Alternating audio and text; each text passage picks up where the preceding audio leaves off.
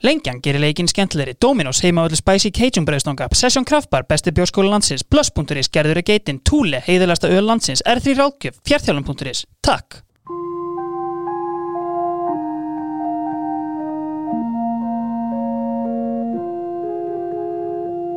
Svona var sumarið er fótboltahlaðvarp sem kafar ofan í hvert fótboltasumarið og fætur öðru, eitt í hverjum þætti. Hverjir sigra? Hverjir tapa? Hverjir hlæja? Hverjir skýta gjörsamlega á sig? Þú ert að hlusta á Svona var sumarið 1992.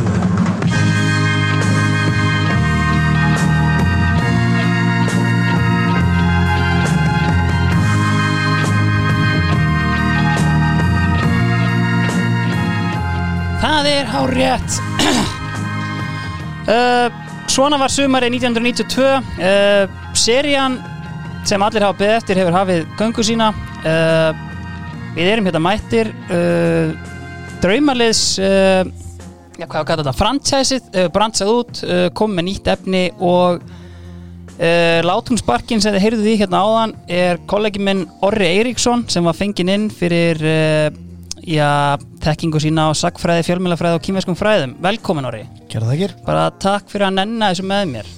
Mín er bara öll ánægin held ég. Hvað hérna, hvað getur þú sagt okkur um sjálfa þig? Uh, ég er náttúrulega eins og komst inn á búin að reyna fyrir mér í ímsu Já, en uh, annars langar mér bara kynnist mér bara gegnum gegnum þetta ágæta podcast. Já, ég fíla það. Sko, ef við förum bara hérna og byrjum á bara hvað við ætlum að gera hérna og kannski útskýrum bara fyrst og síðast hérna í rauninni af hverju ári 1992 uh, Í grunninn er það bara út af því að stopnum knattspinnunar er þarna 1992 þarna byrjum við með Premier League þarna byrjum við með meistaradeildina og það má færa rauk fyrir því að KSI hafi tekið þátt í þessari þróun því að gagnabankin þeirra, þetta er fyrsta tímabilið þar sem er sponsored aðili. Já, þannig að veist, við fengum hattursbref úr fórsóðinum uh, 1991 uh, þú veist við bara því meður getum ekki gert ég skil einhverstað að vera að byrja og í rauninni líka er hægt að fagna þá með þessu podcasti 30 árum af íslenskum toppfóbolta já og svo er náttúrulega líka bara svona við erum ákveðið gamlir Þa, það er ákveðið mikið sem við getum fjallað um af, af festu og vissu. Rétt. Maður vill líka bara halda sér svolítið þar en það er náttúrulega aldrei að vita hvað hva, hva kemur sko, Nei. hvað verður. En við þurfum bara, eitthvað stað þarf maður að byrja sko. Já, ég með smá quiz fyrir þig. Sko, samskipadildin, hún er líka 91 en hún er 92 og þetta er í rauninni það season. Uh, það voru allavega eh, tveir sponsor á undan samskipadildinni. Þú með það? Nei, það er ég bara alls ekki með. Nei, það er hörpudeildin og að sjálfsögðu hinn virta úrval útsýn deildin ah, ég veit ekki alveg hérna þau hafa bara greinlega ekki keift nógu mikið en þú veist, síðan er náttúrulega aðalmálið sem gerist 1992 og í rauninni er byltingin fyrir fótboltan og það er í rauninni svo staðreind að við fáum inn þessa reglu the back pass law ætla að byrja þetta og hérna, fara yfir þetta með hlustendum þá uh, ringdu við í ákveðna geit uh, Gummar Hreiðars og ef við spilum bara hérna ekki bara henda hann í ganga Jú. Nei, þetta er ekki að henda þessu aftur í gang nei, nei. Já, blessar. Blæsaða Guðmundur, er pastað komið niður? Þetta er bara ekki Herðu, uh, við erum hérna að ræða sumari 1992 og þar kemur náttúrulega þessi breyting inn uh, með sendingar aftur á, á markmann og okkur fannst svona tilvalið bara að taka stöðuna á, á þér með þetta. Sko, uh, við erum náttúrulega eitt af fyrstu löndunum þannig séð sem að tekur þetta inn. Þetta kemur hérna inn í fjóruðu síðustu umferðinni. Sko, hvernig Já. var svona almennt viðmót manna hérna á Íslandi til þessara breytingar? Uh, góð spurning. Hérna, ég held að að svona flestir hafa nú bara kannski fagnað þessu á þess að kannski svona kannski gera sér í hugulend kannski uh, mikið fyrirfram hvað þetta myndi í raun og veru þýða en, en, en, en, tilgangurinn vantalega á þessum tíma var að reyna að bæta leikinn og, og, og hugsanlega að- fjölga mörgum Mhm. uh, hérna, og það er náttúrulega kannski tilgangurinn þannig að ég ég var svona ég er svona að reyna að reyna þetta upp Já, já, hvað, sko, hvað, hvað hérna, þetta var svo langt síðan sko, það var lengi, lengi af heldur Eh, betur. sko, þetta, þetta, þetta, hafði náttúrulega áhrif og, og, og, og hérna sumir uh, lögtu verð í þessu en aðri mm en, en, en, en svona ef þú horfir á sko, þróun leiksins uh, síðan þá já, þá hefur náttúrulega ansi margt breyst í, í, í, þjálfræði og, og þjálfun á sem sagt bara bæði Já, bæði bakverðum, hafsendum, já. uh, djúpum miðjumannum og markmannum. Ég menna það hefur allt breyst uh, með þessa breytt, breyttu reglu vegna þess að trendi var náttúrulega bara langur bolti fram og, Já, já. og, og, og, og svo, svo var restin bara svona 50-50 sko, hver var boltan. þetta var einmitt og það sem maður hefur lesið er bara að reynlega veist, markmenn út í heimi hafi í rauninni á einhverju leiti þurft bara að leita sér að nýjum vinnum og annað, þú veist bara þetta var í rauninni slík bylting, Já. svona ef við tölum um þig persónulega, sko, þannig að þú markmaður ríkjandi veist, hvernig hvernig varst þú í stakk búinn fyrir þessa breytingu? Sko ég held að, hérna, ég ætlum kannski ekki að fara að rosa sjálf mér, en ég held að ég hef nú bara verið alveg ágætlega eh, undir þetta búin. Þess að, að hérna, e, á mínum yngri árum þá, þá spilaði ég svona kannski e, bæði svona e, að einhver leitt úti líka. Já, og, og, og, hérna, og, og, og hafi gaman að því að spila fótbolta úti. Mm.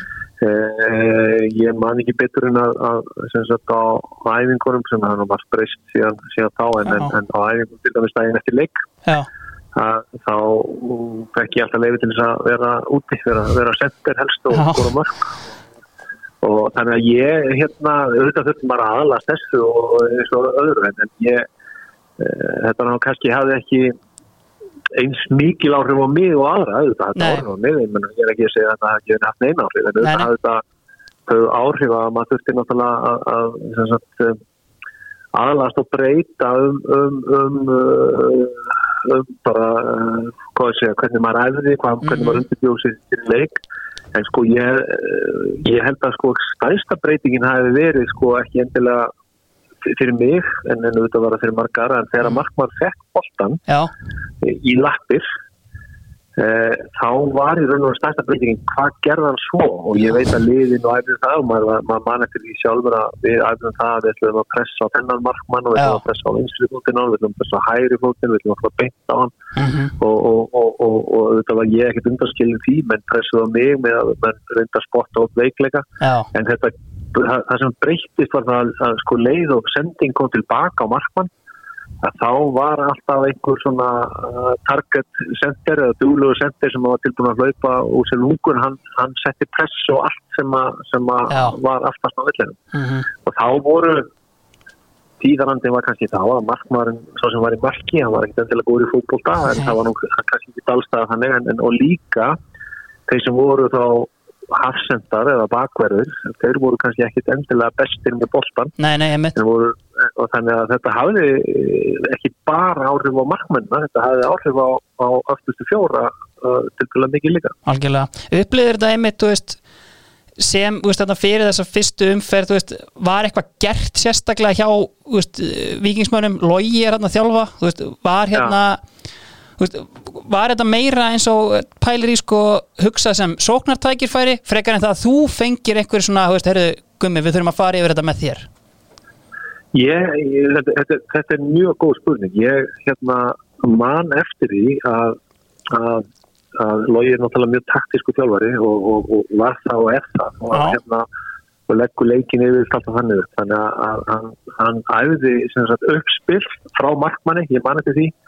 Eh, maður fekk hlutverk uh, þú veist, maður átt að senda boltan inn á ákveði svæði, að koma langumótti þá átt maður að senda Mhm. inn á ákveði svæði. Eh, en helst áttum maður að reyna að spila stuttan eh, á ákveði svæði. Eða þá nota eh, sagt, eh, ekki bakverðina, heldur nota vangmennina með, með, með, með löngum boltum út á vangmennina mm þannig að ég, ég man að við drilluðum þetta. Ég, ég, ég hérna, það svona er í undir meðvöndinni að við, við drilluðum þetta að einhver leiti mm Mhm. þetta var ekki bara, bara töflufundur og svo bara var þetta eitthvað happenings Logi er ekki, Logi er ekki það, eh, var ekki og er ekki þannig þjálfari. Nei, nákvæmlega. Herru, ef við ræðum bara aðeins við þig hérna fyrst við erum með á línni, Víkingslið 92, sko þeir eru Íslandsmeistarar ári áður, uh, Björn Bjartbars klárar þetta í gardinum og allir Já. sápakki vombrið ár 92, hvað klikkaði með Já. okkur? Já, það má ég að segja að það hefur verið vondið ár og, og, og hérna það er erfitt að segja eitthvað hvað klikkar. Ég held að fókbólti náttúrulega snúist um, um, um það að menn eru vel skiplaðar, menn eru vel þjálfar, við vorum það líka mm. -hmm. 92. Uh, uh, það var kannski meiri stemning hjá okkur 91 og, og fókbólti er náttúrulega líka stórun hluta þá og bara allar íþróttir.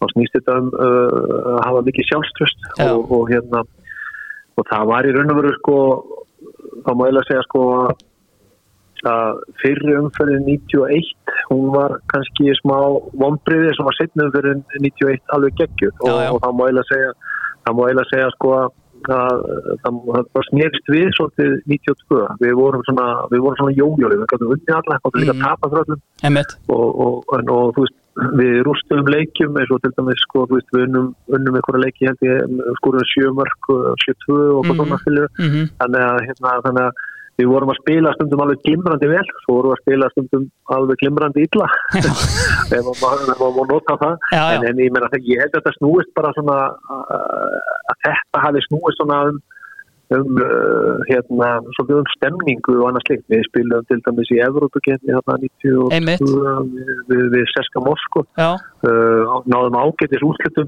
við þá bæði heima og, og, og, og, í, í Moskvu Mhm. svo slóðu þeir út Barcelona Einmitt. þannig að við vorum þannig að þar eh, á móti fílið áttum við alveg glimrandi leik Mm. þetta snýst bara oft um stemningu og snýst um sjálfspröst og, bara, og svo bara dagsformi Mhm. við vorum eh, ekki dýtla þjálfaði 92, við vorum bara í geggjuðu standi og það var reyndar alltaf gaman hjá okkur já, en ég meina að hlutin þið bara eins og, eins og gengur og gerist mm. þetta er náttúrulega að horfa á Liverpool í fyrra, Liverpool í ár. Þetta er, þú veist, eh, fó- svona er fókból já, hárið Þú nefnir hérna að hafa alltaf verið gaman hjá okkur. Við erum svona búin að vera að reyna að greina tíðarandan Hvað, þú veist, maður stekka hverju voru svona bestu skemmtistaðirnir hérna í Reykjavík á þessum tíma? 92 Já, það, það, við vorum nú svona duglega að fara aðeins út á lífi þarna í þessu ágættisliði, við vorum þetta þetta var svona, þetta voru svona djammara það var Já. liði en, en ég, hérna, veist eh, ég bara ég get alveg sagt þetta bara hér og nú, ég held ég bara muni ég man ekki hvort það var amma nú eða eitthvað ég bara, ég man það ekki skilur. en Það ég- voru menn eitthvað á naustinu eða?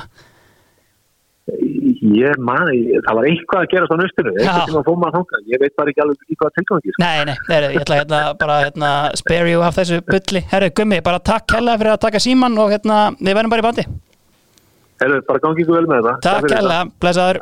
Já, það heyrðum við í geitinni uh, eitthvað sem slóði í þessu viðtalári Um, ég sko fyrir utan það hvaða skein í gegn að Gummi Hreiðars var ekki beint að tæta upp dansskólinn þá það var það kannski tvent ég minna annars vegar að, að það, sé, það Lógi Ólaf sé annarlaður taktísku þjálfari. Uh, þá kannski sýnir það manni hversu mikið tíma þeir hafa breyst. Ég held að sé ekki kannski þannig sem þú myndir lýsa honum í dag. Ég hef alltaf heyrt sko með Loga Ólafs að hann segir alltaf sko strákar í dag tökum við reyt spil og spretti nema við sleppum sprettinum ég minna sko geggjaðu þjálfari Já. það, við, erum ekki, við erum ekki að tala niður þetta er, þetta er mikil meistari en, Mm. hérna, en þú myndir kannski ekki lýsa þannig og hins vegar það er náttúrulega bara svolítið augljóst að tala við svona gæja að það breyttist ógeðslega mikið með þessari Mm. reglu ég meina það, allir sem hafa séð klippurnar af, af Evrópukeppni þegar Danandi vinna þú veist, þið sjá að þetta er ekkert sama íþróttin og er spiluð í dag Mesta kaltænin í því er náttúrulega sko að gaurinn sem embraceiði mest breytinguna er markmaður Dana á þessu móti, Petur Smekkar já, Já. já, hann náttúrulega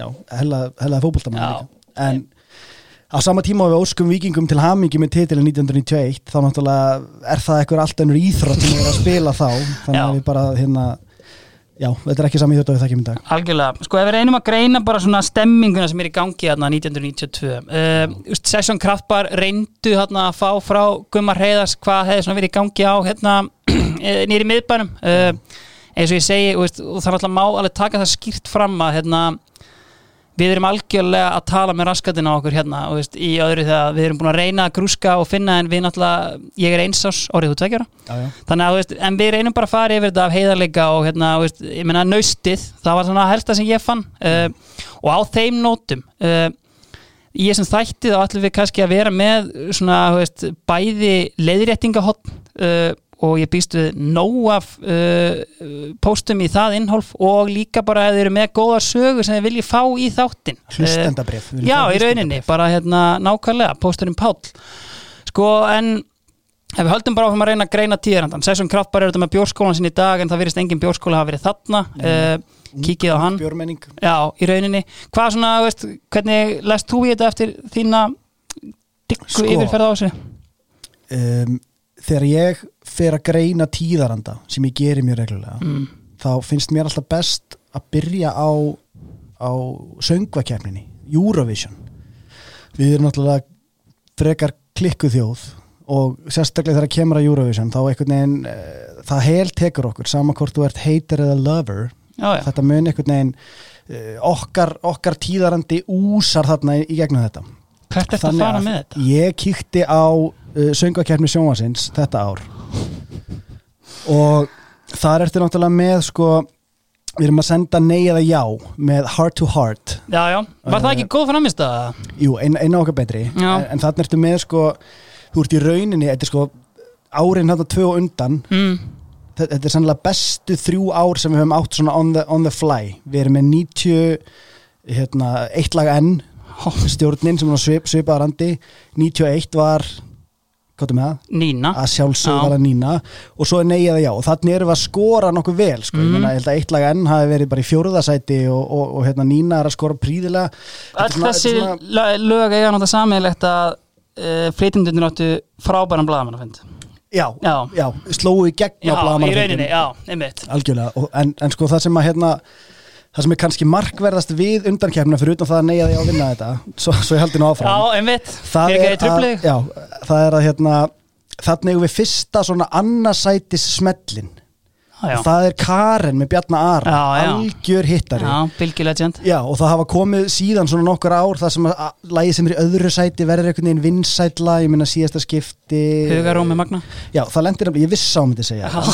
og Magni lendi í þriðja sæti á eftir bláum ópal en, en það er eitthvað sem hefði týnist svona í sögubókunum og mun, bláum ópal mun gleymast og menn ég- hugar og mun já, lifa já, það er alveg En- morgunljóst. skemmtileg saga því að ég var, hérna, ég var að keira norður um daginn og var að hlusta á Rástfö og það var viðtal við Bó. Mm. Bó nefnilega lendir í þriðja sæti í þessar undakefni já, og hérna hann orðin vel rámur og hérna eins og strákurinn kallað sko, hann er eins og mörgæsin í Batman í útliti hann er svona, hann er svona bad guy með eitthvað shades og eitthvað. Já hann situr hann í þessu viðtali og er eitthvað svona farið í fyrirlinn og svo eh, nefnt þetta, þetta season eða svona bara söngakefnin almennt.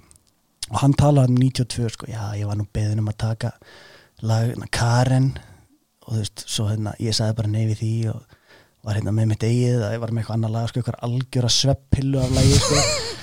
En hann einhvern veginn hérna hann einhvern veginn gat ekki leift Bjarna Ara að eiga Karin ég og ég er hérna að keira norður og að- sko gjössanlega ærast yfir því bara hvað, lifðu fokkin Bjarna Ara að eiga sitt moment, hvað ert þú að sanna Björgvin þú veist, það var fáránlegt moment sko, Já. hann þurfa einhvern veginn að stela hans þrumu en, Þetta er eiginlega eina þruman sem Bjarni Ara á fyrir utan alltaf diggan hlustendahópa bylginni já, hann er á retro núna, en það Já, er hann já. heima líka og það Já. er hann bara geggjaður Já, Nei, nei, en þa þetta er svona, já, bara smá yfirferði við þetta, ég Já. þurfum ekki að fara dýbri í þetta frekar en þú vilt Nei, þú veist, þetta er bara fínt sko, ég meina neglir algjörlega í svona hvernig stemmingu við erum og sko, þú veist, svo við förum bara þetta fyrsti þáttur og förum, þú veist, við tökum með rauninni bara svona greinum tíðaranda, skoðum aðeins prísísonið, síðan bara, veist, skiptum við deildin upp í þrent og, og hérna, og förum bara yfir þetta og við erum hérna með hérna, að nóg að taka, ég meina við förum bara í prísísonið og það sem svona strækaði mig mest í þessu er að þú ferði yfir gamlar blagreinar og annað.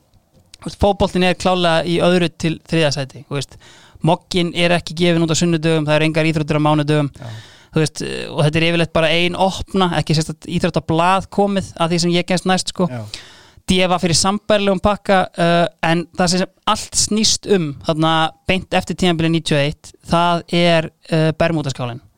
Já, uh, sigur okkar á heismistaramótinu í Brits.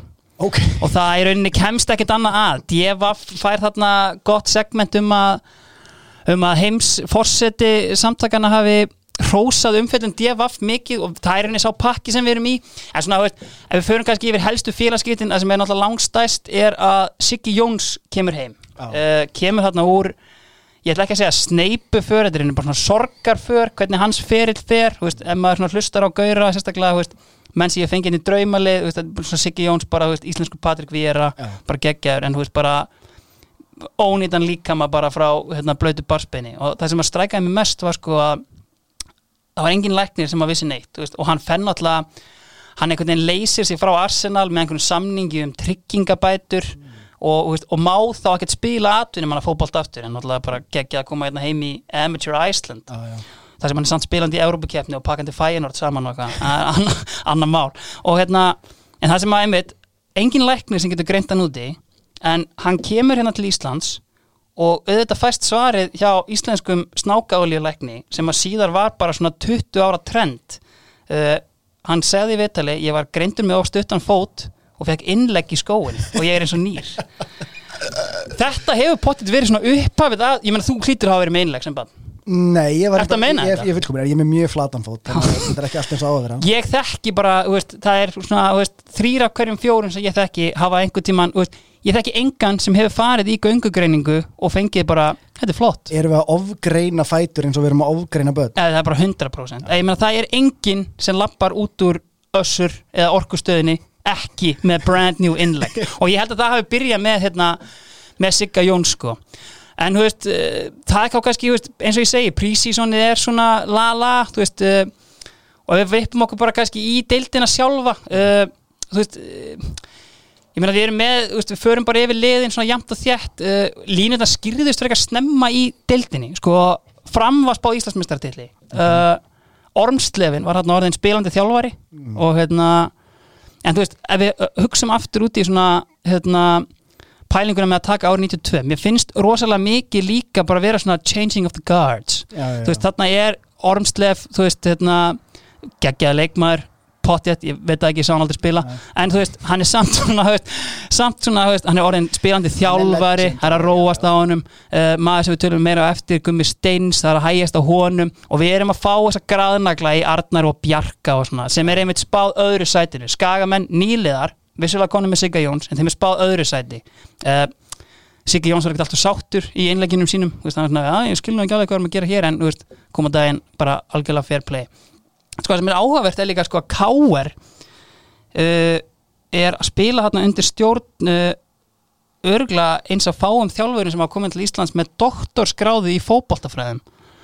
Frá er uh, doktor Ívan Sokkor ég, hérna, ég hef rætt hann við, hérna, við nokkra sem að bera nú bara ágætlega söguna. Það var einn sem var ekkert sérstaklega ánægð með hann það var Mækarinn. Uh, Mækarinn er þarna náttúrulega í yngri flokkum KR og hafði haft hann og hann var ekkert alltaf ánægð með hann en þú veist, Hann vil minni fræði. Í, í rauninni, hann veit bara náttúrulega meiri innsægis maður. En Já, að, þú veist, það er einhvern veginn svona það sem er í gangi hjá KR en þú veist, KR er þarna í þessari endalösu leit að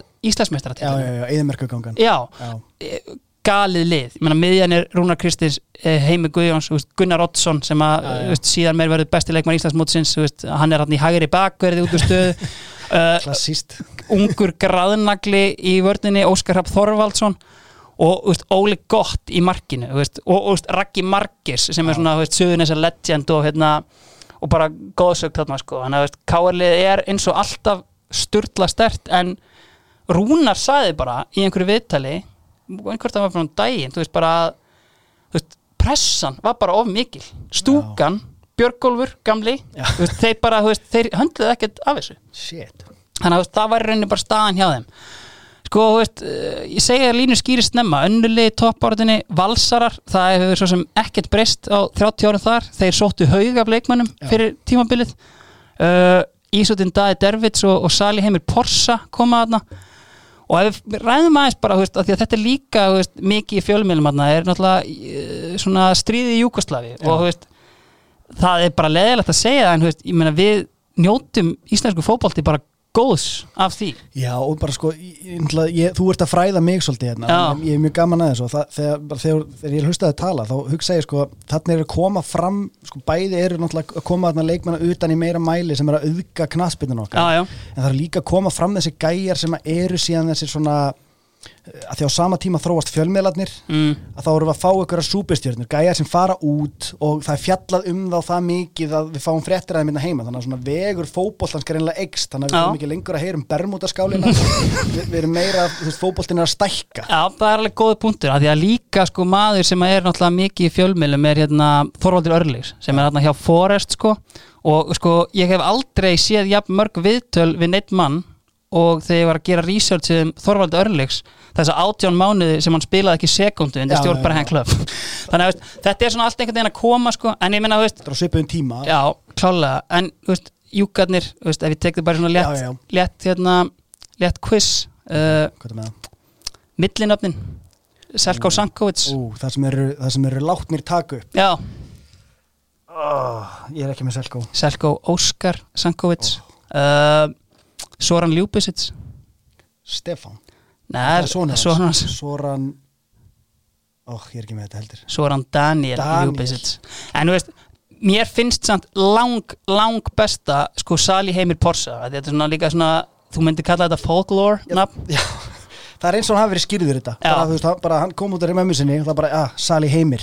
Sali Heimir? Já, sko, líka hann mætti inn í draumalið og sagði mér söguna á bakvið nafni Heimir. Og það er bara eitt af besta sem ég fengi í þessum þáttum þegar hann tilkynnti mig það að hann hefði skýrt sjálfan sig Heimir í höfuð á Heimir Kalsinni á Já, sem að, þú veist, það var bara þetta svona eina skiptið sem ég fengi mann sem bara svona, þú veist Heimir, þú ert meistari. Bara talaði við hann í mikrofónin þannig að það er algjörlega geðveit en þessi gaura, þú veist, og þeir kom ekkert bara í hérna, í efstu deild. Ég meina sko, þú veist, HK þannig að IK verður þetta gjaldþróta held ég hérna árið áður. Já. og hérna HK er, er stopnað og rís eins og fugglin Fönix í, í fjóruðu deildina. Og þar mæta Hamid Púrisevits Eyjúb Bara Hamid? Hamid, Ok. kallaður, ég vissi ekki hann héti það sko.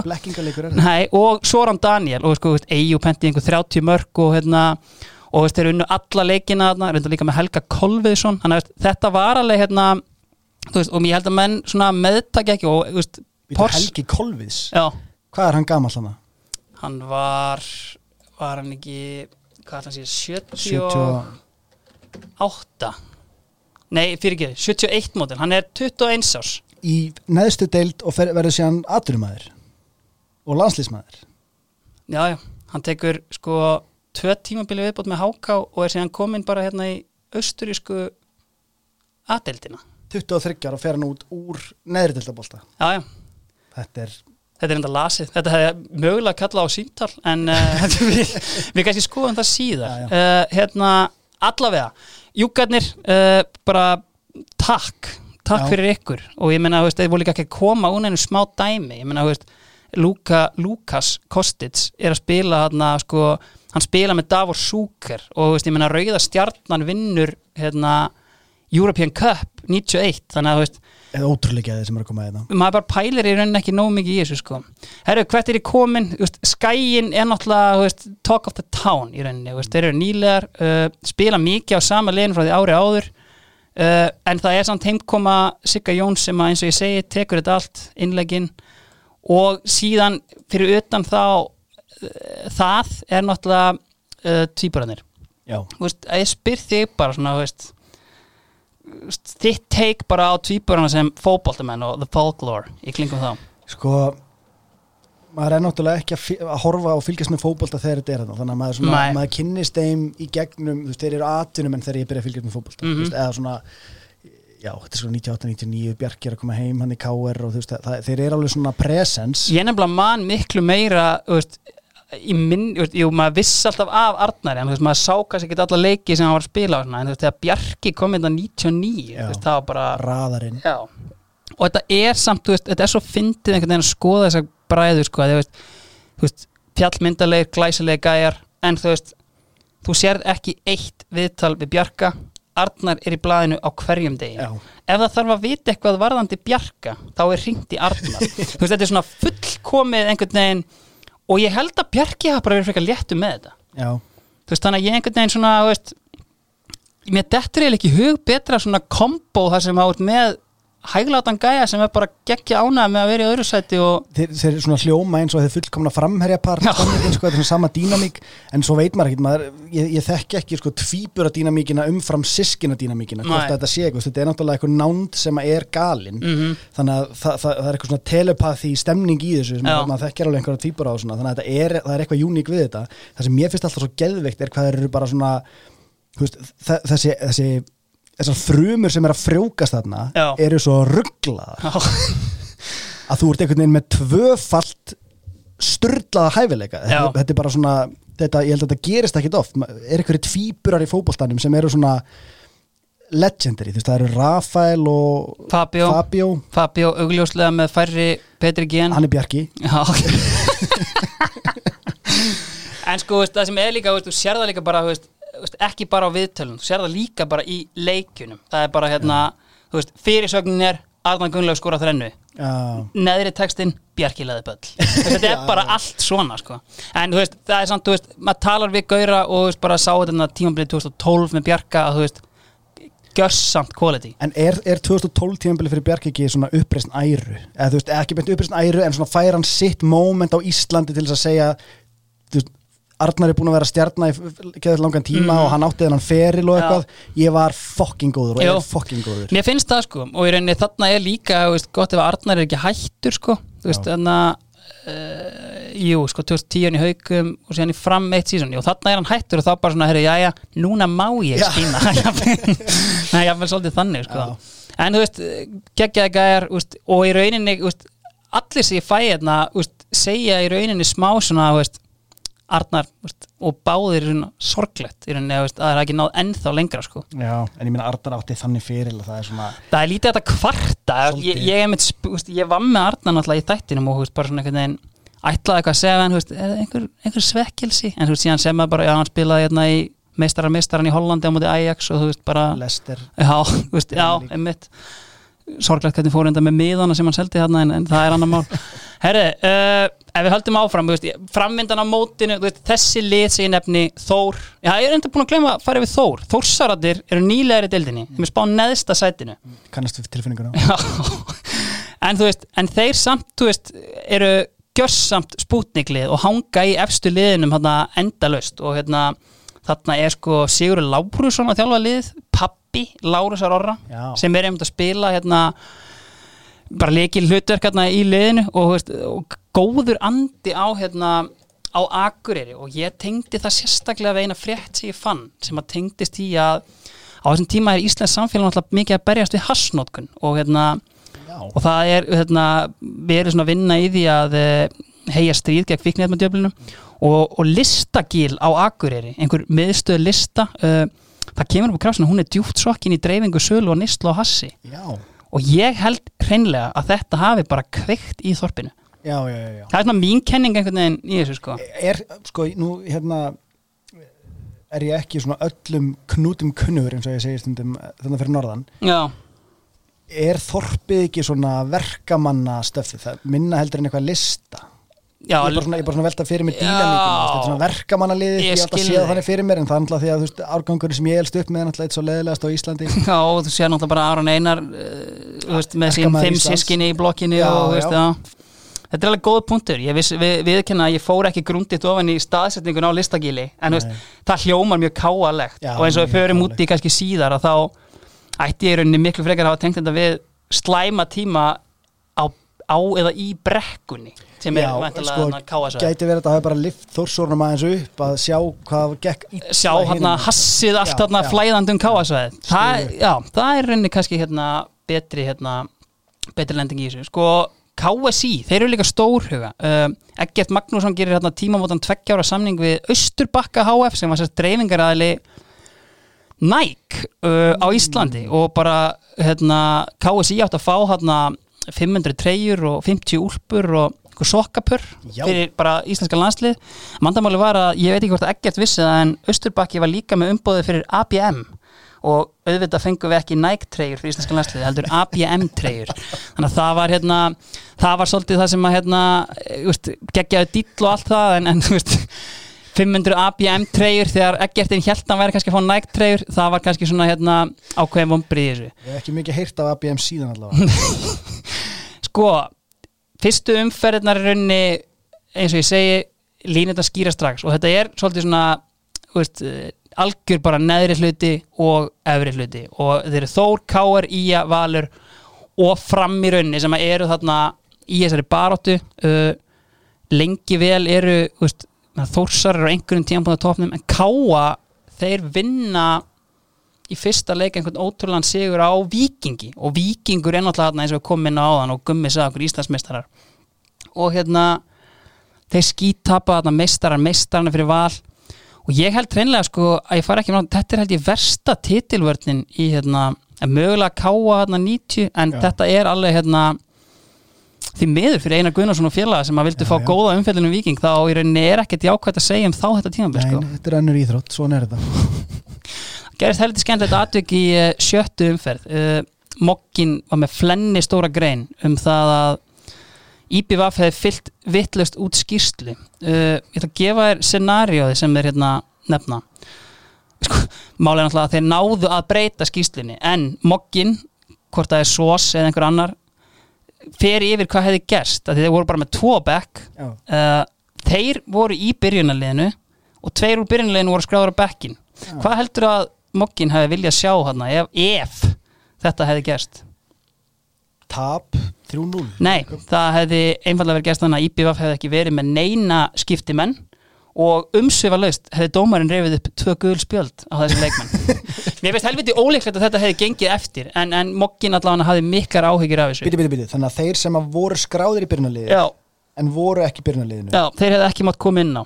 Já, þannig að þetta var bara eins og skipting á núltu mínútu Já, Og og þá sem ekki bara skipting heldur bara þeir hlupu inn á bara, og enginn hérna leiði þeim það Já, já, fyrir það er spjaldi. Og- ólögleg skipting, gult spjald. Það er, þetta er geggjuð gúl já, en síðan náttúrulega hérna, ný dönsk, þeir unnu knassbyttum átt íslenska hljómsveita. Uh, getur ímyndaði hverja er unni í úrslitaleg 92, já, eitt heitasta bandið á þessum tíma. Sálina. Já, Já, þetta hefur verið alveg úrslitalegur. Vá. Hvað heldur að Björn Jörundur sé að skora mörkin eða Daniel Ágúst? Ég held að Jón Ólaf sé markinu. Já, nei, já, ég þekkti ekki markmann en uh, það var ekki aldrei Jón Ólafs. En sko ég sá bara hvað liðsmynd sko. Björn sko Steppi Hilmar er alveg íþróttamæður sko. Já. hann var eh, veist, í val og eitthvað sko hann veist, þetta hefur alveg verið hörkulegur Gummi Jóns, vantalega svona bakverðar element í honum einhver. Já, ég er svona miðjumæður sem að spila svona því að hann þarf að finna stað fyrir hann. Já, eða þá að hann, þú veist, hann sá svo vel völlin þannig að hann var komin nýri í bakverðin. Herru, en veist, með okkur einni í þessu eru náttúrulega Dominos og uh, Ási á Dominos, uh, hann er náttúrulega að dæla út uh, þessum Spicy Cajun brauðsnöngum fyrst og fremst uh, en uh, Dominos er auðvitað líka með uh, besta tilbóð landsins og það er tríóið. Við Já. þrjár pítsur að matseli hverju mánuði.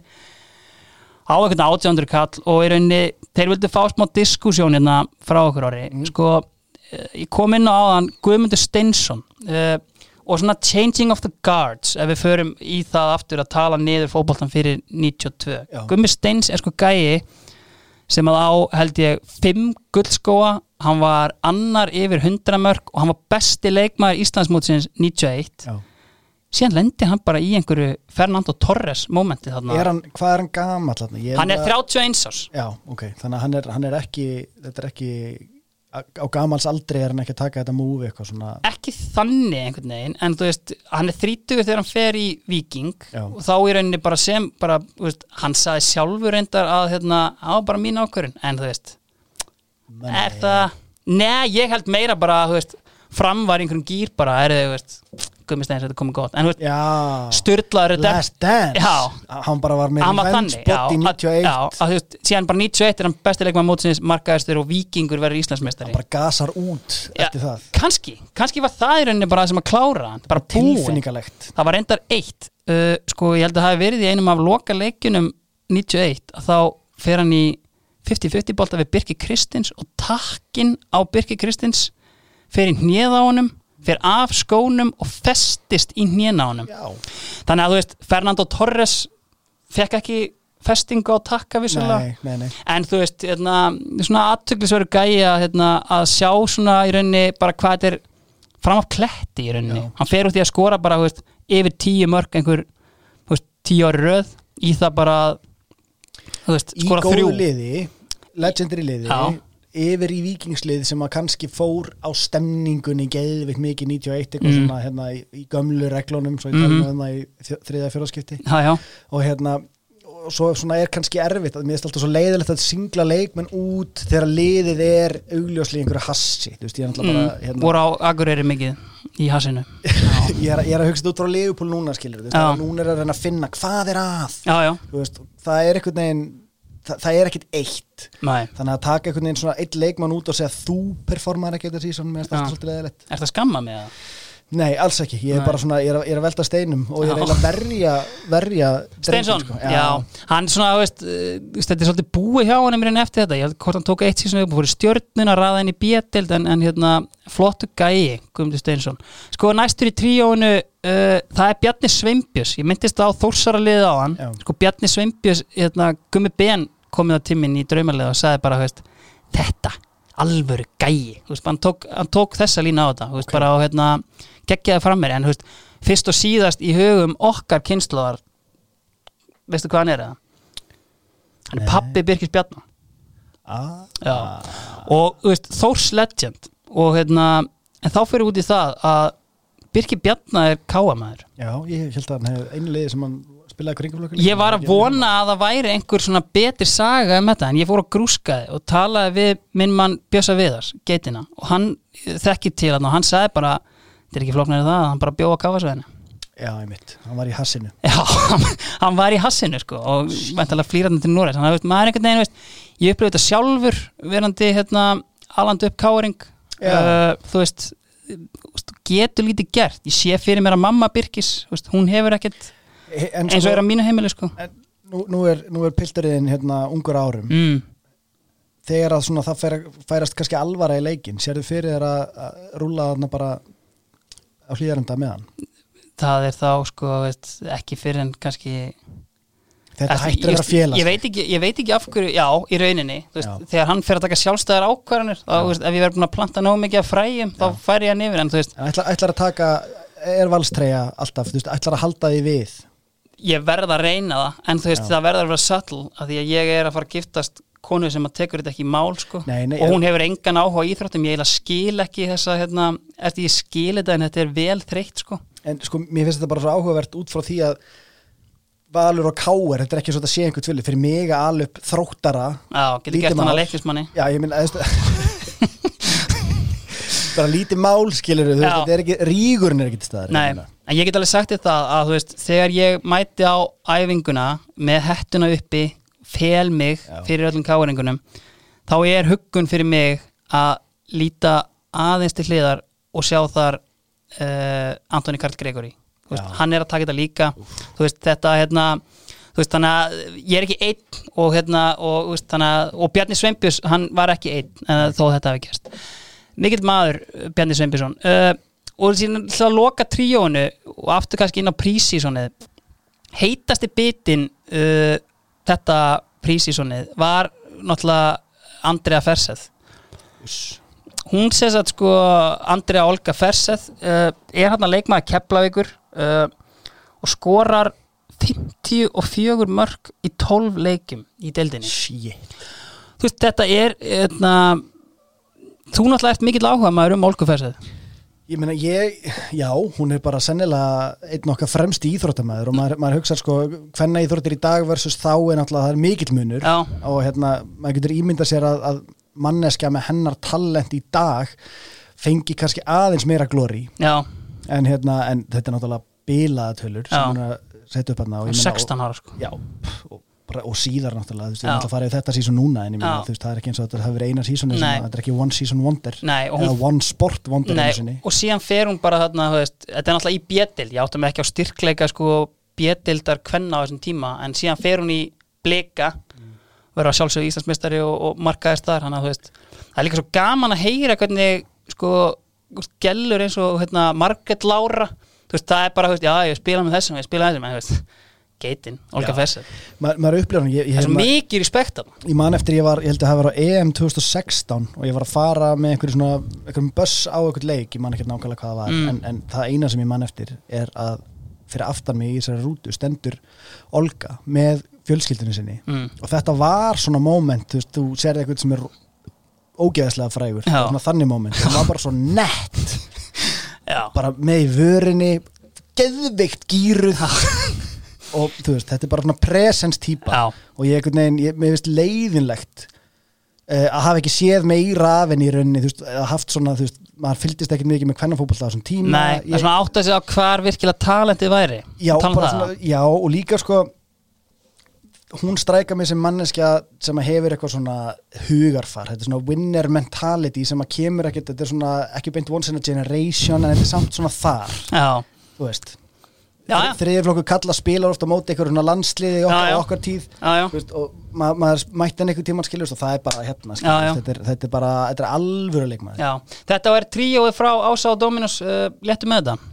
Ég, ég var endar, held að ég ætti að preppa tríóið og var með annað tríó Nú, sem að hérna er lagahöfunda teimi nei eða já uh, framlags okkar í Eurovision þetta ár. Við erum komin aftur í Eurovision. Við erum komin aftur í Já, og þar eru sko þetta er, svo, þetta er svona hybrid, þetta er, þetta er superband stöf við erum að tala um Gretar Örvas stjórnin, Friðrik Karlsson Mezzoforte við erum að tala um Steppi Hilmas, kemur textan hver er betri að koma með texta sem er sá, representa sálina, þetta er bara þrjú heitustu böndin á þessum tíma nánast. Og við erum að sko, Friðrik Karlsson er náttúrulega gæi sem að er sannilega okkar færasti hljóðfæraleikari allra tíma sem að spila hann á plötur með Madonnu og við erum að tala um alvöru legend þar já mér, finnst þetta bara tríó sem að var þess virðið að minnast á.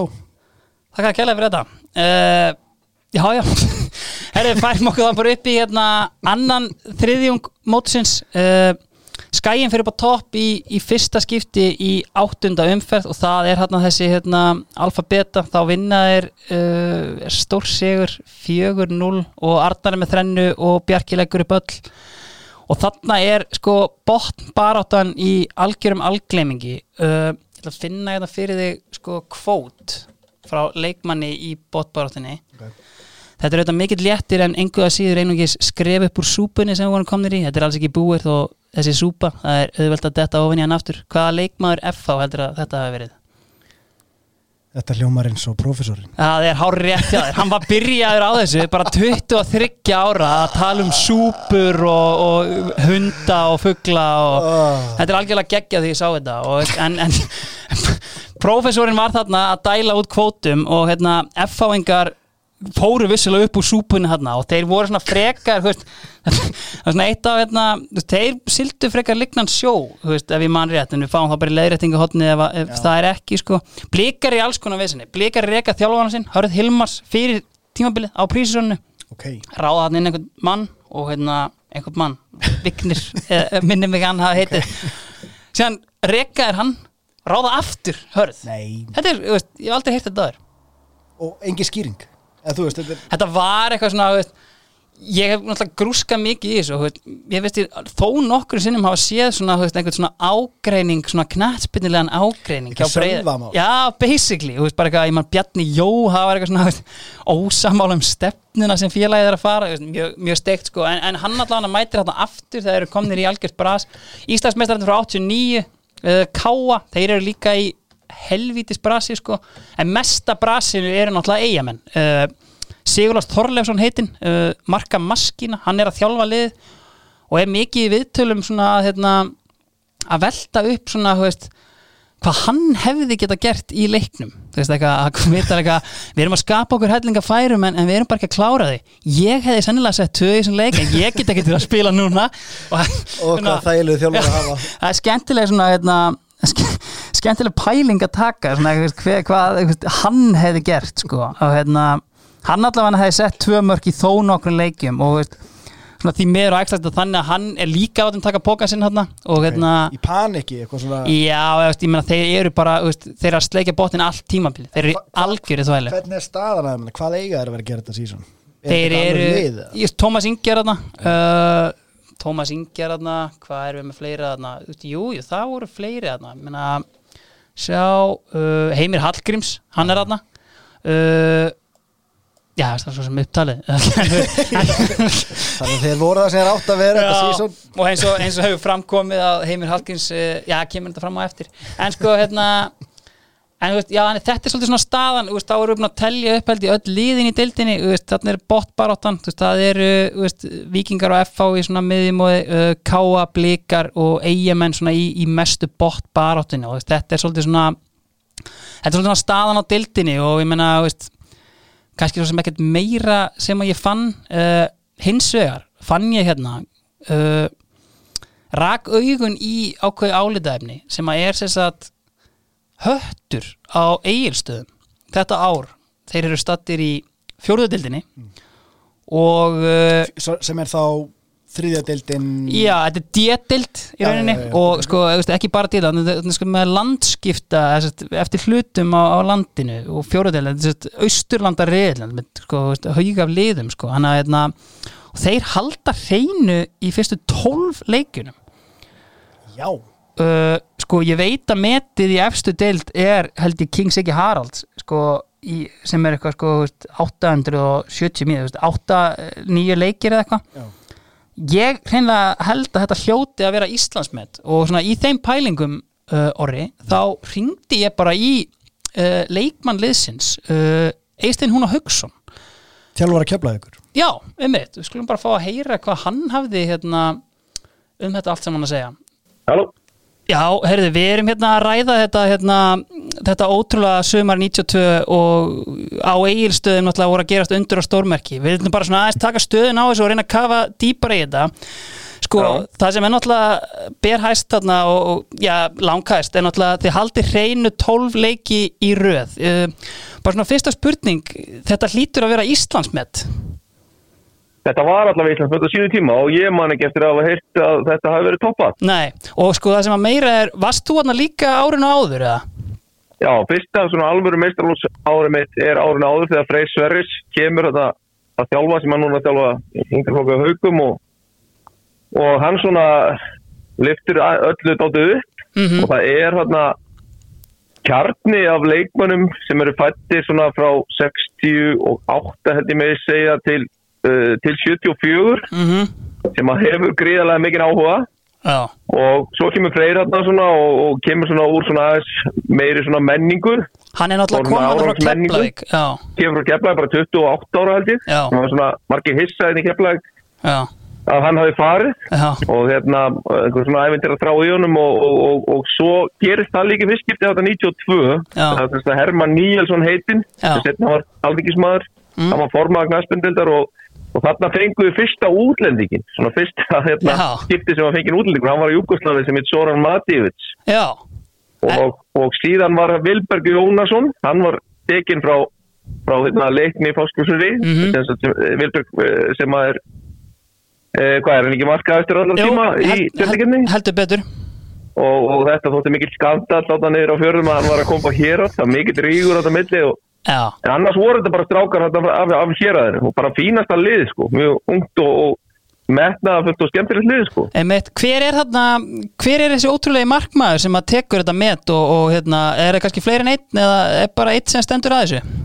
og meða Sko, við starfbæjarfélagsins þá vorum við með ótrúlega góða tvo markmenn. Við vorum með Baldur Bragarsson sem að, með því kannski líkast einhverju skagamenn kannast við. Já, það var svona það sem hann fór og sín tíma var varamarkmaður í skaganum og spilaði dildabyggarinn, held ég þeir urðu dildabyggarmeistarar. Já, Og svo var Magnús Jónasson með honum sem er svona eina, eina hérna, stóðunum og stittunum í, í samfélaginu þarna fyrir austan og hefur verið Mm. uh, sem, að, sem að var bara fínasti markmaður á, á þennan mæli hvaða en, en Baldur semst, var bara það góður að, að, að hérna, Maggi komst ekki mikið að á þessum árum.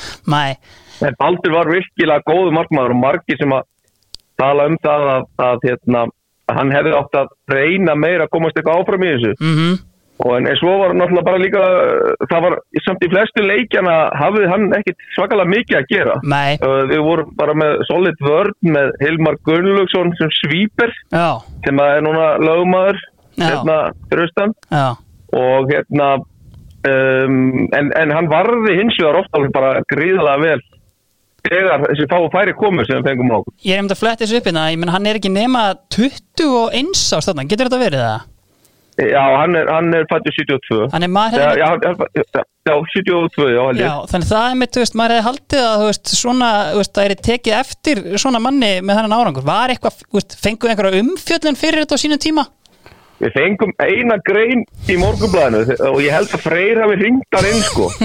Og hérna en málið var það að daginn eftir þessi grein kom þá töpuðu við sko. Þá töpuðu við fóskursfyrir sko 3-2 og það versta sem að getur komið fyrir nokkuð naspindum hann að hér að það er að tapa fyrir leikni fóskursfyrir Já, ég skal sko trúa og því. þeir leta okkur finna fyrir og hérna og, og, og við fórum allir greinandi heim held ég til þannleik en svo reyfum við okkur bara aftur í gang og, og hérna og komum okkur í úslakefnina og vorum ekki alveg nógu góður til að, til að hérna, klára hana Þið mætið með þarna sko í rauninni svona ofurliði háká í hérna ústættakefninni í fjóruðöldinni. Ég meina er það ekki bara svona veist, þarna er uh, sko Eyjúb og, og Soran Ljúbisits og sko landstismæðurinn Helgi Kolviðsson Já, veist, var þetta bara Já. algjört ofurefli hérna að koma í bæinn? Nei, sko í rauninni þeir voru betri við, þetta sé klart að segja en Freyr Sverris fekk umdelt rauðspjald bara í stíl við háraliti sinn bara á einhverju 20. mínúndi eða eitthvað svo leið sko. Já, hann, hann klúðraði þessu í það rauninni. svona bóri rauninni með þetta því við vorum vel peppaðar og vorum höfum önni reyni Mhm. sem að hérna í fyrsta leik og töpum svo vorum buffar og blöndósi eins og eins og Siggi Geit kallaði sem spilaði með þeim kallaði, talaði alltaf um þetta sem buffið og blöndósi síðan þá sko já, og, og þá var þetta alveg brattan að sækja og, og við fórum bara grimmir inn að leikmundi háká en, en það var svona reyðaslag að fóra uppspjald mm, en það sem var kannski merkilegast við þetta mm, var það á þessu tíma þá var tíu liða riðill á já, Östurlandi já, emmitt. og nú er þetta Sindri, Fjarrabið, Höttur Hugin og Einherji. Mm þarna var bara lið, það var lið á Hotnafyrði, það var lið á Djúbófi það var samanlið frá Stöðafyrði og Breitalsvík Mm. það var lið á Eskifyrði, Reyðafyrði Norrfyrringarnir voru, uh, voru í B-dild á Eimari Já. svo var lið á Eigistöðum og Vopnafyrði var í Fellabæ Hvað heitir liðið Fellabæ? Hugin Fellabæ Aha, og leiðis. stöðuna hérna ég, ég hérna og þeir ákvaða að vera með hérna eitt eða tvö ári röð held ég og, og markatalan hún segir náttúrulega að segja þar um en, en, en þeir voru alltaf resur og kátir og þeir kláruðu mótið og fengu mikla virðingu fyrir það en, en það var ekki sérstaklega erfitt að spila þeim, sko. Nei, ég sá einmitt þarna í þessu stöðafjörali sko, er ekki rétt, 15 ára Ívar Ingimars er að spila þarna Jú, jú, hann er að spila hann með KSH, Já. knarspilnum félagið Súlunar og Rafkils Freyskoða Já, og, og hérna þetta var bara svo fyndið sko að veist, þetta voru bara lið á þessu stöðu sko og þetta var bara tekið alvarlega og hérna og þetta voru þvílíki bara áttu leikir og ofta mölinni náttúrulega líka og það var með komast á gras hérna. manni fannst bara gaman við þetta á þessu tíma var að það var lið á öllu stöðunum og nú er þetta náttúrulega bara orðið miklu meiri sammenning og, og hérna og ég vona bara að, að hérna að þessi lið uh, sem standi sér bara vel í sumar og, og, og komi, komi allavega einu lið upp í bjötild og þá finnst mér það nú alveg ásættalegt sem ég verða að minnast á þetta 92 sísón sko. Að það er það að hérna að einhverju þetta vegna, ég hef aldrei fengið útskýring á þessu, þá fengum við í fyrsta skipti svona liðsjakka til að mæta í leikina. Og þeir voru laxa bleikir og ég man bara þegar ég fekk þetta í hendunum ég bara, ég horfið á mig hvað, hvað, þetta, hvað grín er þetta? En svo var þetta einn af svona helstu stemmingspunktunum og, og það sem er helst rifjað upp á þessu sumri og mikið hlegið yfir, það er þessi laxa bleiku liðsjakkar sem við mættum í þetta leikið og, og, og hérna hafi liðinu og fjörðum hata hérast með náður sko, þú veist, þá, þá var þetta kotni sem sprengdi alla mæla sko og sjá okkur mæta þarna er til einhver, er myndefni á þessum jökkum með það?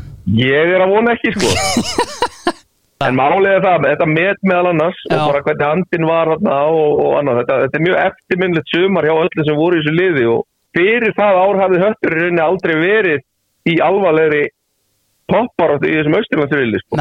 Bara búið til brandara eins og sko hérna einhver maður sem fann lampa á nuttaðan og fekk eina ósk og, og þá vildi hann hérna uh, frið, þú veist uh, einhver staðar í hérna austurlöndum eitthvað slags og hérna og, og það var ekki hægt, það voru mikið og þá spurði hvort það væri, ok, það var að koma hetti þá upp í, í triðudelt og þá sagði andin, "Heyrðu, hvað, hvaða lönd voru þetta fyrir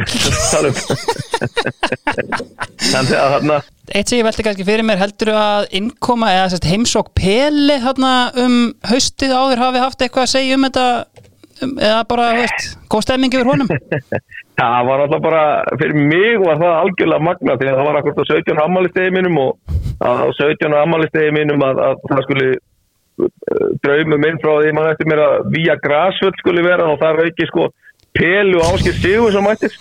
Þú veist að ef ég hefði mátt velja með tvo menn í heiminum bara til að hitta það, það örugglega verið þeir sko. Já, þannig að það, þetta var mjög mikil töfra dagur og frábær og hérna, hver veit nema nema hann hafa eftir einhver góða Einmitt. Það er eitt sem Ég, ég man, það var já. reyndar, reyndar fyrst út með það það var sett heimsmet í foreldrapressu á, á þessum hérna, á þessum degi því að, því að ég var fekk að vera dómara því að dammali og ég hitti þá báðna og ég flautaði á áskil sendi sitt á Peli Já, og Peli fer að stað á lagskónum og galakossunum bara og dansar alveg því vilið með boltan sko og það var sjöndaflóks markmaður í markinu. Svonur hans Ágúst Ólafsson og fréttum hans á Rú Já, já og þegar pelin hálkast teginn þá heyrist úr stúkunum út á mótorum. Þetta er talið heimsmyndi fóreldrapressu Já, nei, nei, nei, nei, nei það, þetta var svona mati maður var mikið með honum og, og lærði mikið af honum og, og hérna spjallaði, pældi mikið pældi mikið þessu tungumóla hérna. Og já, já, það er ákveðin menn þarna sem voru í kringum liðið. Já, sem að muna vel eftir þessu Mm. sem að hérna erum kannski ekki household nöfn þetta hetti við landið en hérna það Egilur Skúlason uh, var hérna liðstjóri og hérna hann hérna Jón Ingi sem er svona önnur stóð, stóð þarna í, í samfélaginu, félagsfræðikennir í mennskólanum, hann var hérna í kringum þetta Já. hann er típan sem að, hann er guðurinn sem kaupir alltaf fyrsta ársmiða sko, ég var að sjá það núna daginn, þannig að jújú, jú, það er alveg það er alveg góðu slatt af fólki sem að hugsa hlýlega til þessa tíma. Þetta voru svona smá brautir þetta tími ég, það er fyrst skipt sem við fórum í úslitin og ég komst þarna, Guðni Hjartans valdi með júlingalanslið, ég var fyrst í eirstafbúi sem komst í uh, undir, undir átjónarlanslið svo hétt á, já. Þannig að þetta var smá svona þetta var smá svona pioneering stemming hjá okkur sko. Vá. Já, uh, Ég veit ekki hvort við munum fá aftur svona grundíkt uh, köfun á, á fjóruðudildinni en, en vissulega hérna ef það er eitthvað svona Já. Ég minn þetta er Íslandsmet Ég held að þangað þetta hafi til að vera leiðir eftir hlustandabrifi Já, ég held að það er pott ekki verið og markatalan þeirra eins og hann kom inn á hún var eftir tónleiki 58-0 Shit. En síðan eins og kom inn á er uh, því miður eiga ekki róði í stjörnulið hákáðan í fjóruðudildinni var ekki svona stakti sérstaklega við þessa frásögn?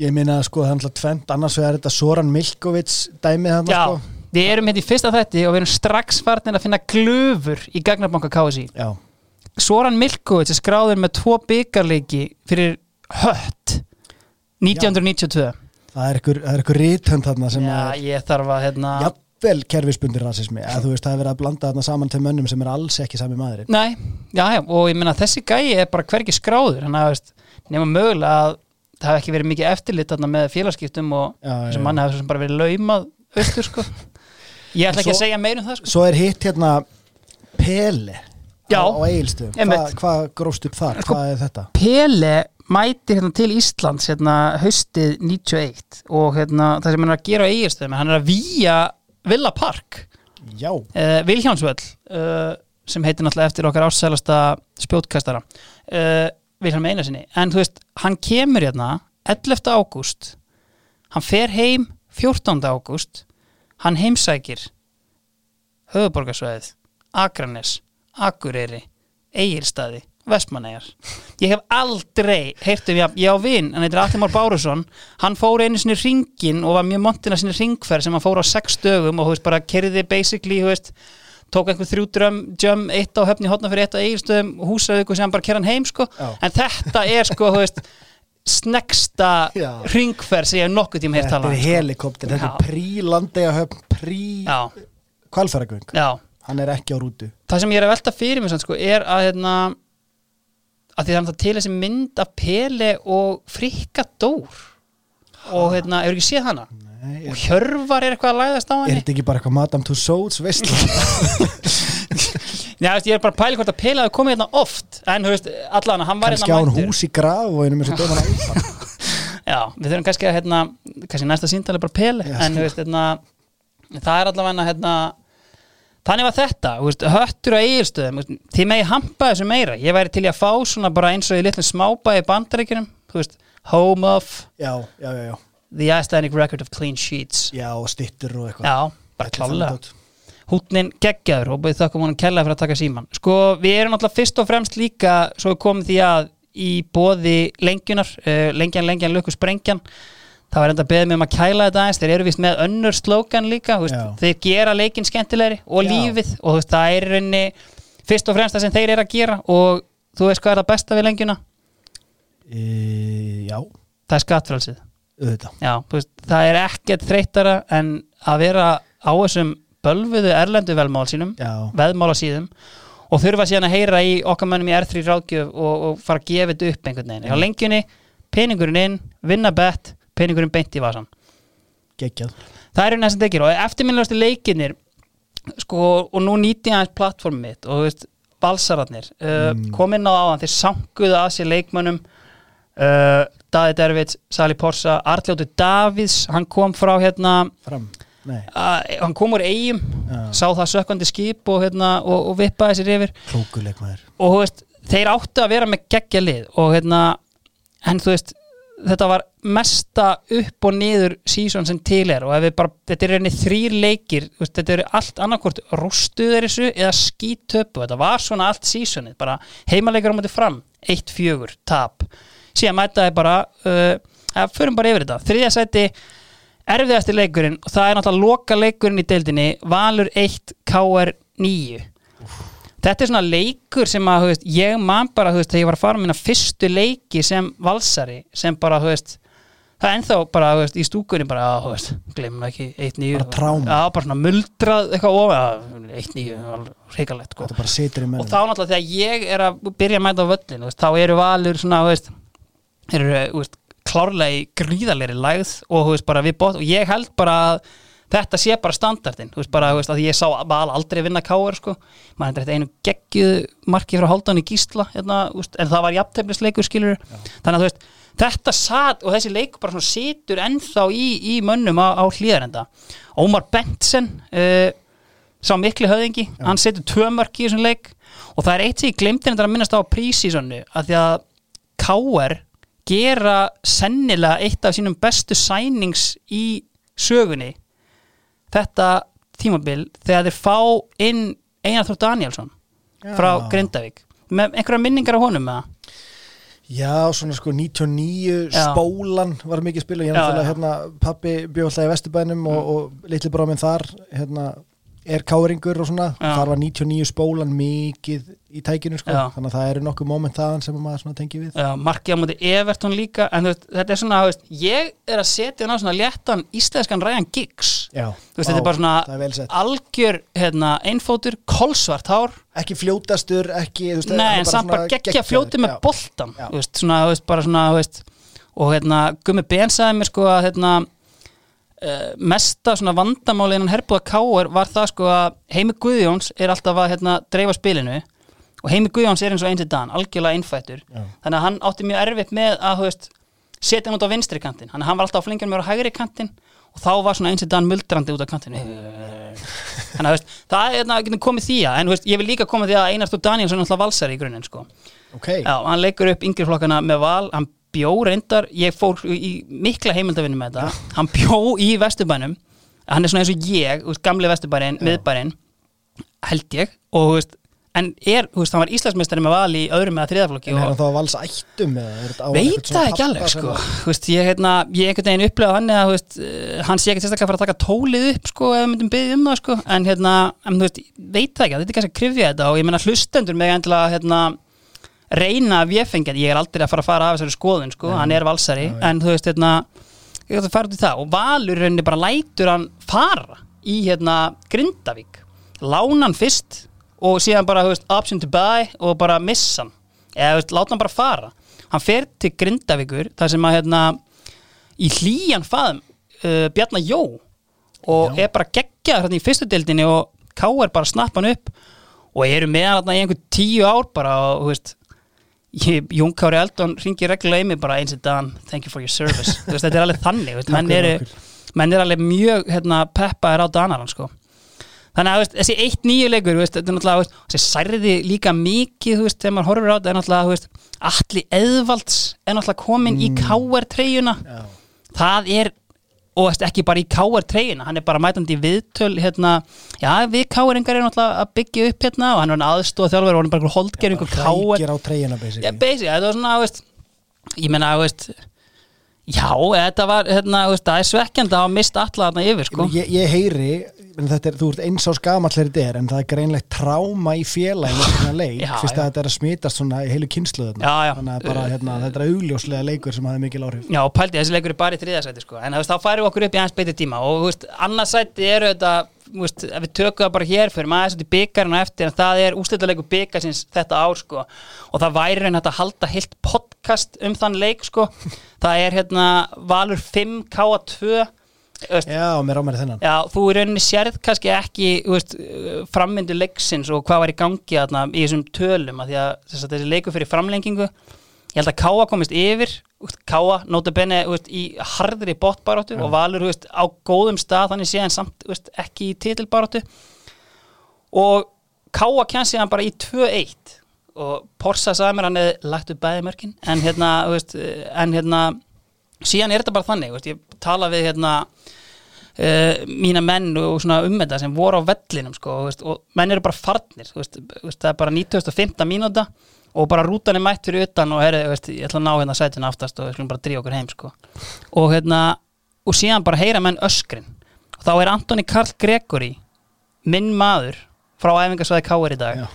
búin að jafna leikin, hann er ekki bara búin að jafna leikin hann er búin að jafna á 1970 mínútu með hjólhestarspilni Ég man eftir að sé þetta um vídeo sko. Já, veist, það þarf, Sturlað veist, að ég horfi á þetta vídeo einu sinni viku og veist, þetta er hérna, veist, þarna á móti hugsa maður bara djöðlega til að vera það er bara hérna, er ísköldum lögutarsöldi já, þannig að við erum strax búin að sjá sko, þetta eru klálega kontrastarnir í gleðinni og hérna þeir kristalla svolítið í þessum tveimur leikin hvað þetta er svona ótrúlega hérna, tvískipt eitthvað, en þú veist, síðan er náttúrulega hérna, leikurinn eftirminnilegasti leikur lengjunar uh, árið 1992 uh, árið eftir þegar ég var farin Það er ekki að fá þá hérna, ætla upp með mér að eftir minnum hægt fá- ætla að fá þetta sko Þetta er gott með skóla. Oh. Þá róaði þið niður. Segðu hvað ég gerir fyrst. Þú ferð beint í Alli mannin og fyrir það færðu áminningu og passaði þig framvegis. þetta er svona magna dæmi af hverju hefur, eða því, maður kannski skilur það því að menn hafa ekkert vantilega verið alltaf sátti með þetta, en veist, að mæka upp dómaran Já. þetta er þetta valur skæin hérna eh, 92 eh, þið flettið upp á YouTube þá skriðið bara leikurinn þegar allt var vittlust og veist, þetta er geggjað, þú veist Þetta með sko, veist með hérna þú veist, með Þórð Guðjóns hvað er að gerast bræði hvað er að gerast bræði Sér, hvernig var hindrun? Og síðan er sko Siggi Jóns á sko háa sénu sko, þú veist, með upphækkun allan leikin Ég sko og endar á sko að fá raukt spjald þar sem hann sko ég verði eiginlega að finna, já henni er þetta, byttu Þetta er besta línan. Byttu, er ég ekki með þetta hérna? Hvað er þetta að gera? Ha? Hvað er að hjá? hvað er að hefur Hugsaðu nú aðeins. Sigurður, komdu hérna. Siggi er ekkert á leðinu til hans. Og það er raukt spjald. Þessi lína byttu, fá með þeim svona takk. Þetta fær hann rauðarspjaldið og bara, þú veist, hann tekur í hendin á honum þakkaði fyrir versta leik sem þú hefur nokkuð sinni dæmt. Já, og með þessa rödd, sko, Já. ég veit ekki hversu oft ég er búin að horfa á þetta vídeo. Já, Sko, Bræi Bergmann er Hetja. náttúrulega, jújú, jú, hann er hetja fyrir að dæma hennan leik, Já. en hann er einhvern veginn strax á fyrstu mínútu Já. komin svona, það er, hann er, hún er vist óþægilegt að Siggi er bara með hann, Já. Siggi er gjörsamli í hausnum á honum frá fyrstu mínútu. Og þegar hann er að kalla á hann hann eitthvað. Siggi, kotti hérna, Já, hann er aldrei að fara að koma. Hann þarf að sem hlaupa hann uppi sem fyrirliði. Eitthvað útskýra fyrir honum að hann að kalla á hann. Ó, þetta er geðvikt þetta er klálega þú greinilega einhver skagamaður sem setur leikin inn sko að því að þú veist, þetta er skaginn langbæsta lið. Þessi leikur fyrir 1-5 fyrir val. Og sem gleymist algjörlega í saminginu þarna er, og þetta er sko veist, þetta er, hérna, þetta er einhver 14. umferð eitthvað og þetta var svona smá hérna, þú veist, ég man ekki þetta nákvæmlega umferðina, það er þetta bara í leiðréttingahotnið, en þú veist, það var smá svona herðubítu, er skæðin að fara á tögum, þeir tapa líka að komin á því kannski í lokasprettinum sko, en þú veist, þeir voru aðeins að fatast flýð og þú veist, 1-5 þarna, þetta er eitt af þremur töpum skagans á, á veist og Valur voru einum, þeir mestu mann út af á undan, sko, bara í, í stöðunni, þú var eitthvað svona haugspáls rött please, stop. Það er held ég vídeo af því sko, nenn- eða hvort það var sko víti raukt eða eitthvað svoleiðis, mögulega. Haraldur í minkaði eitthvað munin sko. já, hann er, sloppin í gegn Já, og hann já. svona rétt hann. þetta var eitthvað þannig sko. Það er annað gæði sem við þurfum kannski að taka fyrir síðar. Já, ég tökum hann síðar, Haraldur Ingólfsson. Það er unsung hero Ok. hérna upp á skaga sko. en þetta er þannig eftirminnlasti leikinnir í bóði lenginar uh, hún er lukku sprengjan en hún gerir líka leikin skemmtilegri. Færum okkur þá bara hérna í lokasprettin á, á mótin og það er klæmaksið í bóði blöss.is uh, gerður geitin Uh, Arjen Bjarnar uh, veist, eða viljið fylgjast með vörunum sem að er að dæla út þá, veist, hún er mikið að sína þetta á Instagram vörurnar uh, Gerður Arembjarnar Þau voru að opna búðið eða ekki? Jú, þau voru að opna nefnilega verslun og það er enga smá verslun. Uh, þetta er það sem að kostur var upp í Kópavogi Dalvegu 32B Já, ég sendi mannaðna á svæðum daginn og hann í rauninni bara lappaði þarna inn og hann bara varði þarna einhverja þrjá fjóra tíma og Já, bara lappaði út rekklaðina vörum einn vekkfastur, já, eitt svakom Mhm. já, já, já. og í rauninni það hefur hamingjan hefur ekki stoppað hjá hann síðan sko. plus.is, kíkið á þetta eða bara, veist, þau elska að fá inn líka bara fólk á göttinni, já, ég var bara í nágrinn og herði, já, Já, kottu walk-in customer Já. sem er bara svona að fara að skoða Þetta eru rólutnar og Já, þannig já. að bara hérna, og má prófa Rólirnar já, já, já, já, Já, pottþétt, já, já. held ég sé alveg potið þannig að, þú veist, þetta algjörlega leiðandi í, í kynlistækinum, Já. og lokaspretturinn í þeirra bóði eh, við erum búin að koma inn að Skæin verður Íslandsmeistari uh, þeir innsikla sigurinn hérna í leika mútið FH sem er held ég í 17. eða 18. umferð það er eitt geggjað í þeim leik að hérna, FH kennst yfir og marki skorar Davíð Garðarsson uh, þekktari kannski fyrir önnur störf í dag en þú veist, actually bara mjög góður fótboltamaður á þessum tíma sko. Og hérna og þetta er geðveikt mark, ég hef bara hendi í hérna linka á þetta mark hérna í á miðlunum með þessu. En síðan auðvitað, veist, Arnar skorar, Bjarki skorar og bara allir geggja léttir. Luka Lukas er bara, veist, í skíunum með þetta. Og veist, þannig rauninni fer þessi titilbarátta sem var í rauninni engin veist, þórsararnir þeir klára tímabilið í öðru sæti, frekar en þriða sæti. Og ég held í rauninni að hérna sjá, betur að hafa þetta á hreinu um, 1992 eru í þriðja sæti, eru tveim stegum eftir Káer sem að hérna bæta markatöluna sína svo ummunar hérna í loka leikamóti val og, og fara yfir þór. En þú veist, ég menna, það eru nýliðar í fyrsta og þriðja sæti. Og ég ætla bara að spoila því, það gerist ekki aftur uh, í yfirferð okkar á íslenska boltanum en að það er svona, þú veist, einmitt, fjara undan þessu. Uh, veist, við vippum okkur aðeins, ég verði hérna R3 ráðgjöf uh, sem að endur skoða söguna, þeir ætla líka að vera með okkur í þessu. Uh, þeir eru rauninni langt bestir þegar kemur að veist, ef þið slýsist í einhverjar erlendar tekjur eða eitthvað þurfum við aðeins að, að skoða eitthvað mál eða bara, þú veist, allir fótboltamennandar úti með sínar verktakagreislur BR Tryggvi, Kongurinn uh, það er ekkert betur en að heyra í R3 ráðgjöf og bara svona salla inn, þú veist, og, einhvern veginn bara eru taktu hérna allt sem ég er með. Og bara þetta moment þegar þú átt að fara að skila skattskíslu veist, sem er stress fyrir marga mm. bara láta fagfólk sjá um hlutina sko. Já, og það er ekki til meiri fagmenn en R3 þú veist, þeir, þú veist, peningurinn hverfur og þú bara, veist, allir léttari. En þeir ætla að vera með svona veist, þeir vissu að þú er að koma þetta með mér þeir ætla að vera með leiknismólan. Uh, og þarna rétt fyrir mót í handboltanum þá mætir til landsins uh, Branislav Dimitrievits.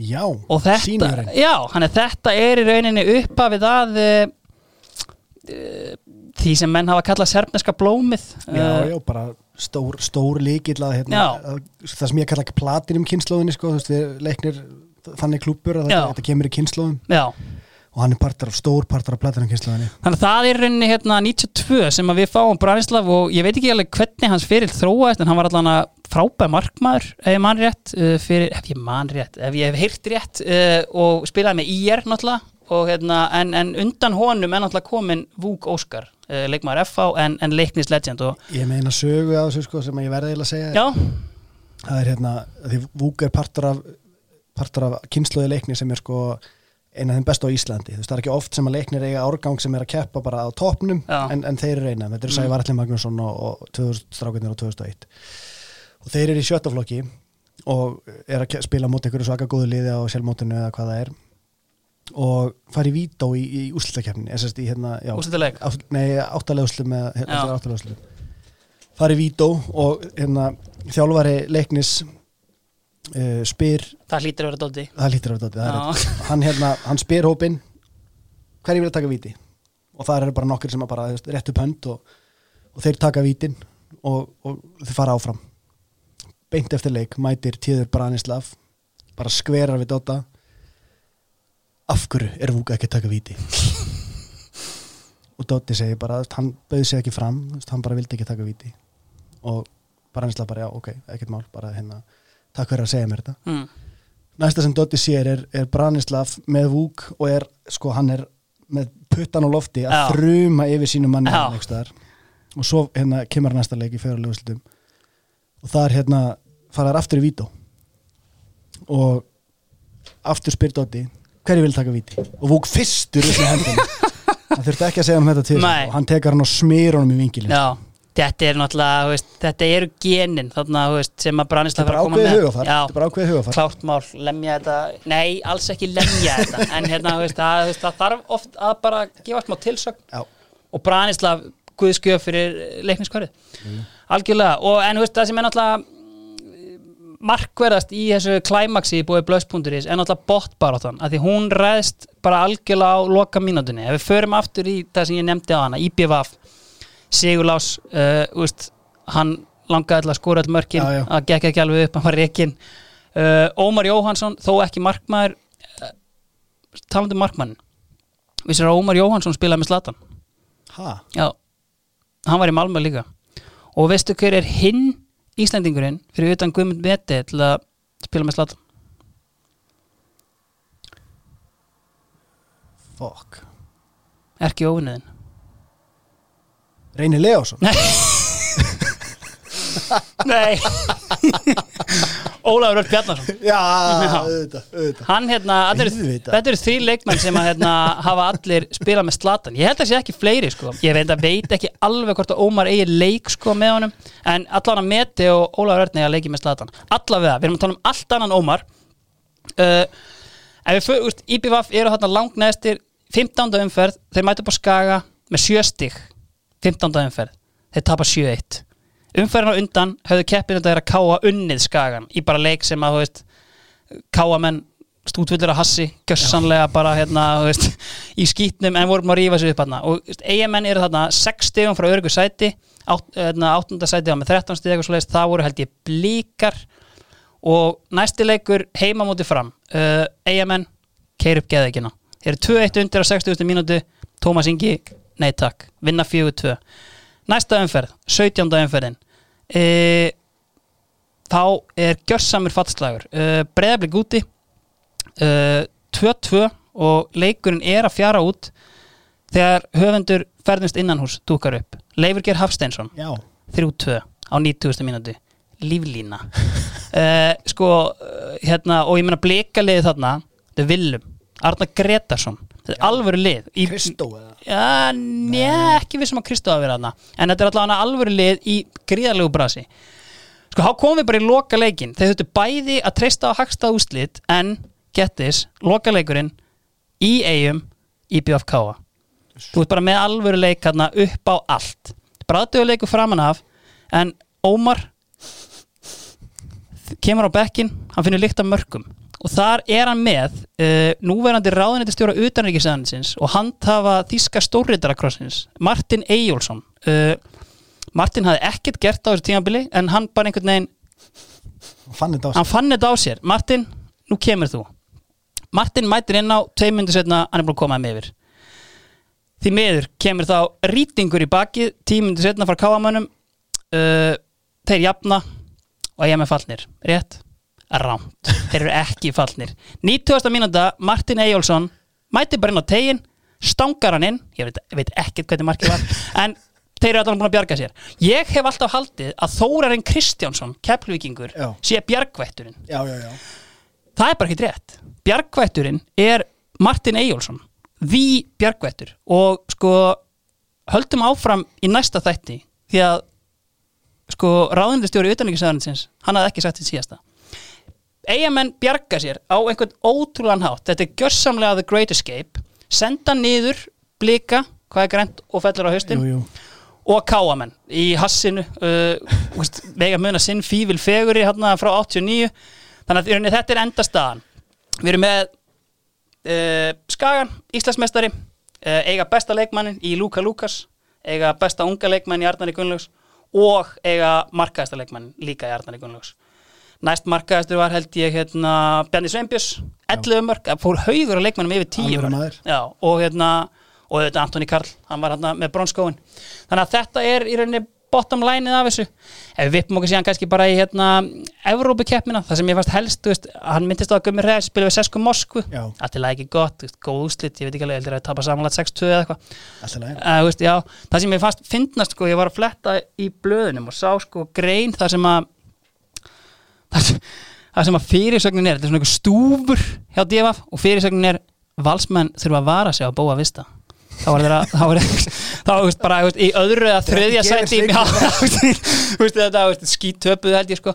En, en, en þetta, þetta var bara mentalityð í skiluru bygg, veist, í Európukeppninni hjá liðum á þessum tíma. Bara Valur, Valur, þetta er ekki komið hjá ykkur. Núna þurfum við þið að fara að gera ykkur í brók ef þið ætla að gera eitthvað í þessum leika mútið búa að vista gerði því mér ekki neitt en hérna, samt svona leiku sem að maður heyrir oft talað um þér á hlýðarenda, Valur búa að vista en þú veist, það er eins og það er og fram uh, frammætt einhverju liði en þú veist, það var hérna það var held ég ekkert til að hvort það var Jurgorden eða, eða eitthvað, það var svo sem ekkert til að tala um sko. Ekkert eitthvað svona sem er var- veist- sá mér Nei, þetta er ekki folklore Þannig að hérna meirum Európa-keppni vonandi í, í síðar í þáttum Bíkarinn, við fórum yfir þetta áðan með ústættaleikin, hann er auðvitað legend. Uh, það sem kannski helst stendur upp úr þar er að fylgir í bjettild þeir fara í hérna undanústætt, tapa fyrir val. Okay. það sem er aðtekisvert er sko að þetta er í grunninn bara sama lið. Þetta er gullkynsla Já, Já.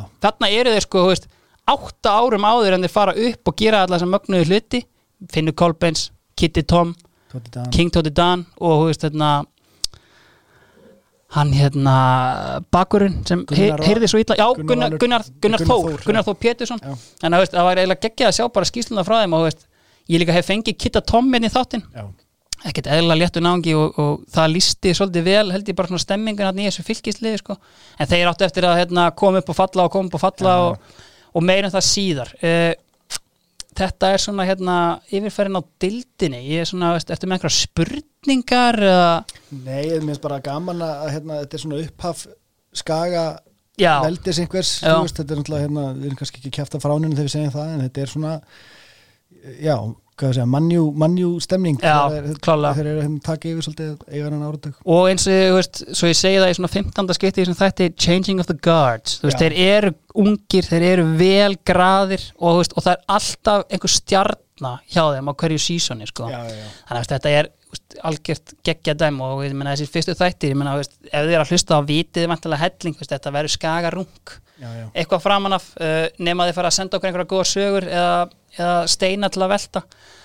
En við ætlum svona, veist, kannski líka að krifja hérna, landslið uh, veist, bara aðeins að hérna, að gera það og það er auðvitað í bóði uh, Túle ég meina Túle er auðvitað fyrsta heitið á, á Íslandi. Uh, það var Píþeas, hinn gríski landkönnur sem að mætti hérna á sildu kringum landið og Túle stráng heiðalegt og túle í gleri síður 500 millilitrar þetta er heiðalegasti bjór sem til er. Já, og ég, þú veist uh, léttbjór og hann er uh, ég, þú veist mikill mentaskóla bjór án þess að ég ætla að fara að tala um mentaskóla nei, drikju en, þú veist, ég en- í, og við erum alltaf að tala um léttbjór þannig að þú veist, í mentaskóla stórt, ég man hvað ég var alltaf móðgæður að ég sendi einhvern í ríki fyrir mig að kaupa léttbjór og hann kom með litla já, það er ekki sama Nei, það er bara alls ekki að sama þó hann sé frábær og náttúrulega þetta hérna, af sama söðakinni en, en veist, það var bara allt annað leikur sko. svo er þetta líka sko, maður hugsa bara um eh,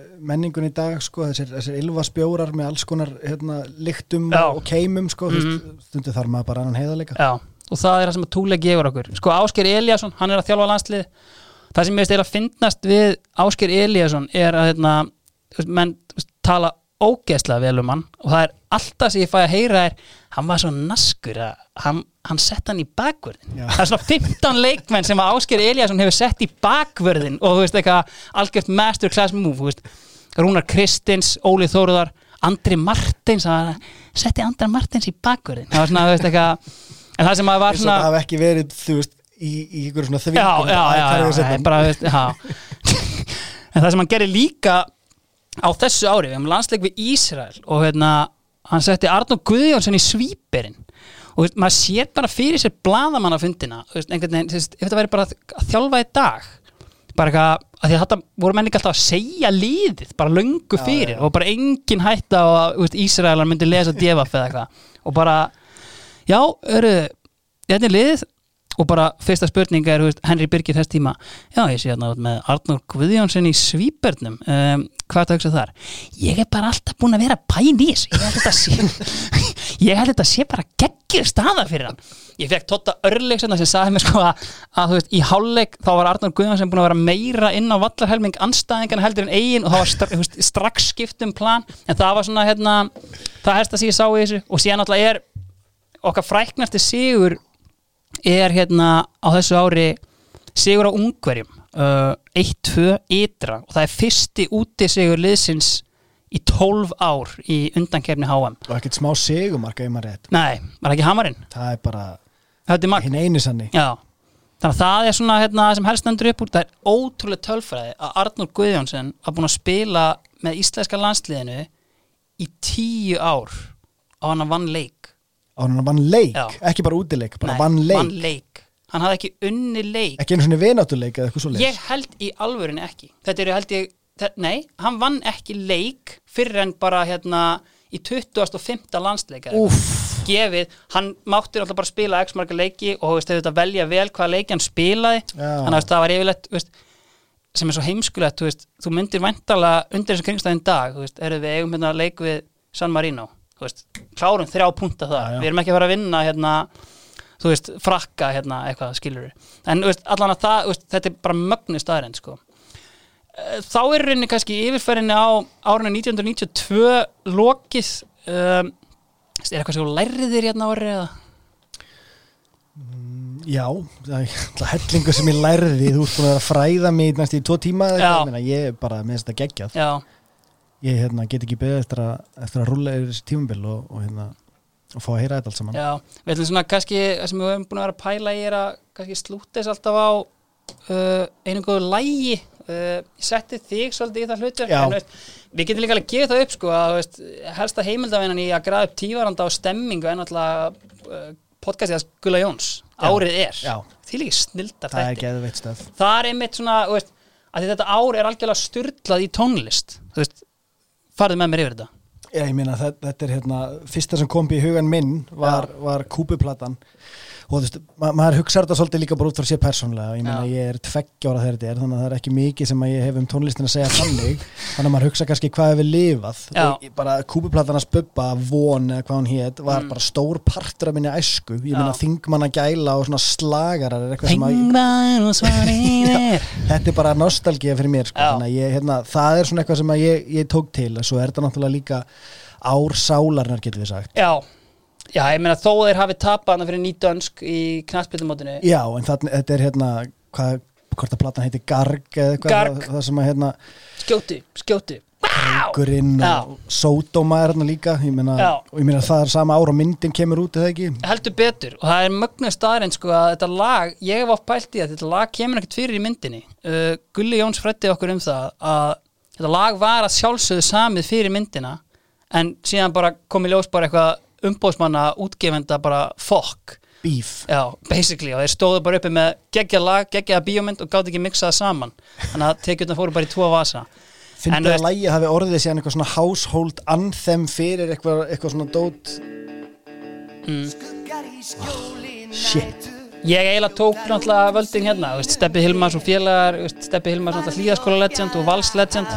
Sko, ég held að við slúttum þessu bara hér og leiðum ykkur að klára þetta á þessu lagi. Orri, uh, við sjáumst bara í næstu viku. jú, jú. Léttir, bye.